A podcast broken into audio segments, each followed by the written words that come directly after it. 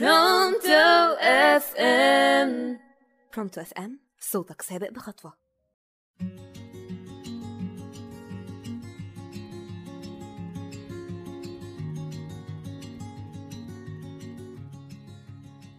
في برنامجنا هنركب المونوريل وهنلف شوارع وميادين مصر وفي كل مرة هنقف في شارع أو ميدان هنسأل عن اسمه وهنعرف حكايته. معاكم جيلان مجدي في برنامج حكايات المونوريل على راديو Pronto FM الآن انطلقنا بالمونوريل إلى أحد أشهر الميادين بمحافظة الجيزة ميدان مصطفى محمود. الميدان اللي بيخترق شارع جامعة الدول العربية في حي المهندسين وبيضم مسجد مصطفى محمود. فمن هو مصطفى محمود؟ دكتور مصطفى محمود هو كاتب وطبيب وأديب وفنان مصري. درس الطب ولكنه تفرغ للكتابة والبحث وقام بتأليف 89 كتاب. يتراوح بين القصة والرواية الصغيرة إلى الكتب العلمية والفلسفية والاجتماعية والدينية. كانت كتب مصطفى محمود عبارة عن هجرة مستمرة للبحث عن الحقيقة وعبر في كتبه عن المراحل التي مر بها كالمرحلة المادية العلمانية ومرحلة الدخول لعالم الأديان وصولا لمرحلة الصوفية. تميز أسلوب مصطفى محمود بالقوة والجاذبية والبساطة فقام بتقديم 400 حلقة من برنامجه التلفزيوني الشهير العلم والإيمان. ولد مصطفى محمود في 25 ديسمبر عام 1921 في شبين الكوم محافظة المنوفية. كان مصطفى محمود منذ صغره محبا للعلوم فكان يمتلك معملا صغيرا في المنزل وبدأ بالفعل وهو صبي يصنع مبيدات يقتل بها الحشرات ثم يقوم بتشريحها. وقد كان علم التشريح يستهويه بشدة في تلك الفترة المبكرة من حياته. أكمل مصطفى محمود دراسته الثانوية ودخل كلية طب القصر العيني جامعة القاهرة وتخصص في جراحة المخ والأعصاب ولكنه انقطع عن الدراسة سنتين بسبب مرضه. أمضاهما في المطالعة والتفكير في موضوعات أدبية. فامتهن الكتابة في سنوات دراسته الأخيرة وكانت تنشر له القصص القصيرة في مجلة روزا اليوسف وقد عمل بها لفترة عقب تخرجه عام 1953 مما دفعه لاحتراف الكتابة.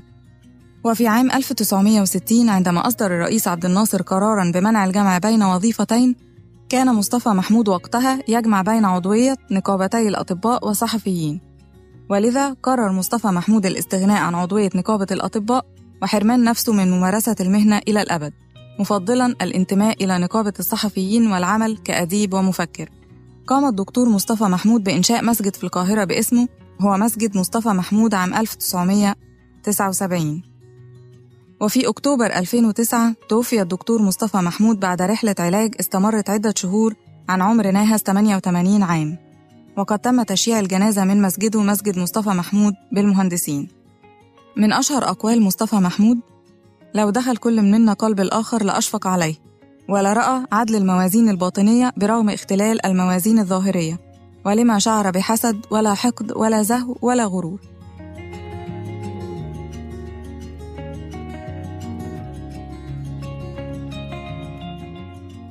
ومن ميدان مصطفى محمود إلى ميدان عبد المنعم رياض أشهر ميادين القاهرة الذي يقع بالقرب من ميدان التحرير في وسط البلد. فمن هو الفريق عبد المنعم رياض؟ الفريق عبد المنعم رياض هو رئيس أركان القوات المسلحة المصرية وواحد من أشهر العسكريين العرب في النصف الثاني من القرن العشرين. شارك في الحرب العالمية الثانية ضد الألمان والإيطاليين بين عامي 1941 و 1942 وشارك في حرب فلسطين والعدوان الثلاثي ونكسة 67 وحرب الاستنزاف. ولد الفريق محمد عبد المنعم محمد رياض في إحدى قرى مدينة طنطا محافظة الغربية. ب 22 أكتوبر عام 1919 درس في كتاب القرية وتدرج في التعليم حتى حصوله على الثانوية العامة من مدرسة الخديوي إسماعيل. التحق بكلية الطب بناء على رغبة أسرته.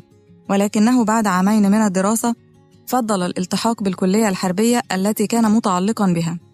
انتهى من دراسته بالكلية الحربية عام 1938 برتبة ملازم ثاني ونال شهادة الماجستير في العلوم العسكرية عام 1944 وكان ترتيبه الأول. أجاد عبد المنعم رياض عدة لغات منها الإنجليزية والفرنسية والألمانية والروسية. انتسب أيضا لكلية العلوم لدراسة الرياضيات البحتة. وانتسب وهو برتبة فريق إلى كلية التجارة لإيمانه بأن الاستراتيجية هي الاقتصاد. حقق عبد المنعم رياض انتصارات عسكرية في المعارك التي خاضتها القوات المسلحة المصرية خلال حرب الاستنزاف.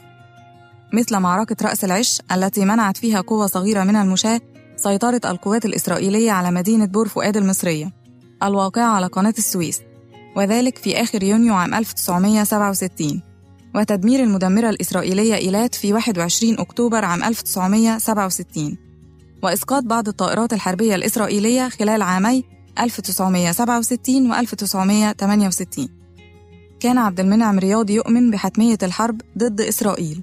ويعتقد أن العرب لن يحققوا نصرا عليها إلا في إطار استراتيجية شاملة. تأخذ البعد الاقتصادي في الحسبان وليس مجرد استراتيجية عسكرية.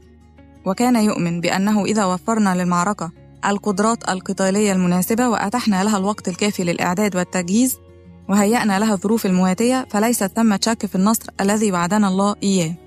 كما كانت له وجهة نظر في القادة وأنهم يصنعون ولا يولدون. فكان يقول لا أصدق أن القادة يولدون.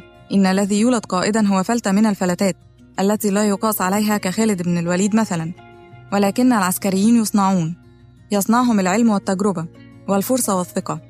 إن ما نحتاج إليه هو بناء القادة وصنعهم. والقائد الذي يقود هو الذي يملك القدرة على إصدار القرار في الوقت المناسب.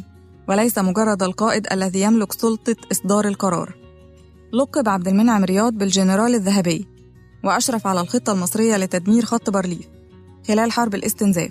وفي صبيحة يوم 8 مارس قرر الفريق أن يتوجه بنفسه إلى الجبهة ليرى عن قرب نتائج المعركة وقرر أن يزور أكثر المواقع تقدما في الإسماعيلية. ثم انهالت نيران القوات الإسرائيلية فجأة على المنطقة التي كان يقف فيها وسط جنوده وانفجرت إحدى دانات المدفعية بالقرب منه وتوفي متأثرا بجراحه نتيجة للشظايا القاتلة. قام الرئيس المصري جمال عبد الناصر بتكريم عبد المنعم رياض. بمنحه رتبة فريق أول ومنحه وسام نجمة الشرف العسكرية أرفع وسام عسكري في مصر. وتحول يوم 9 مارس إلى يوم الشهيد في مصر تخليدا لذكراه أطلق اسم عبد المنعم رياض على أحد الميادين الشهيرة بوسط القاهرة بجوار ميدان التحرير هو ميدان عبد المنعم رياض. من أشهر أقوال عبد المنعم رياض لا تتسرع في قراراتك وحينما تقرر لا تتراجع أو تتردد وكن بين جنودك في أحلك الظروف. ولا تجعلهم يرون منك علامات القلق والارتباك. في نهاية رحلتنا أتمنى تكون حكايتنا عجبتكم ونتقابل المرة الجاية إن شاء الله وحكاية جديدة من حكايات المونوريل. جايلين مجد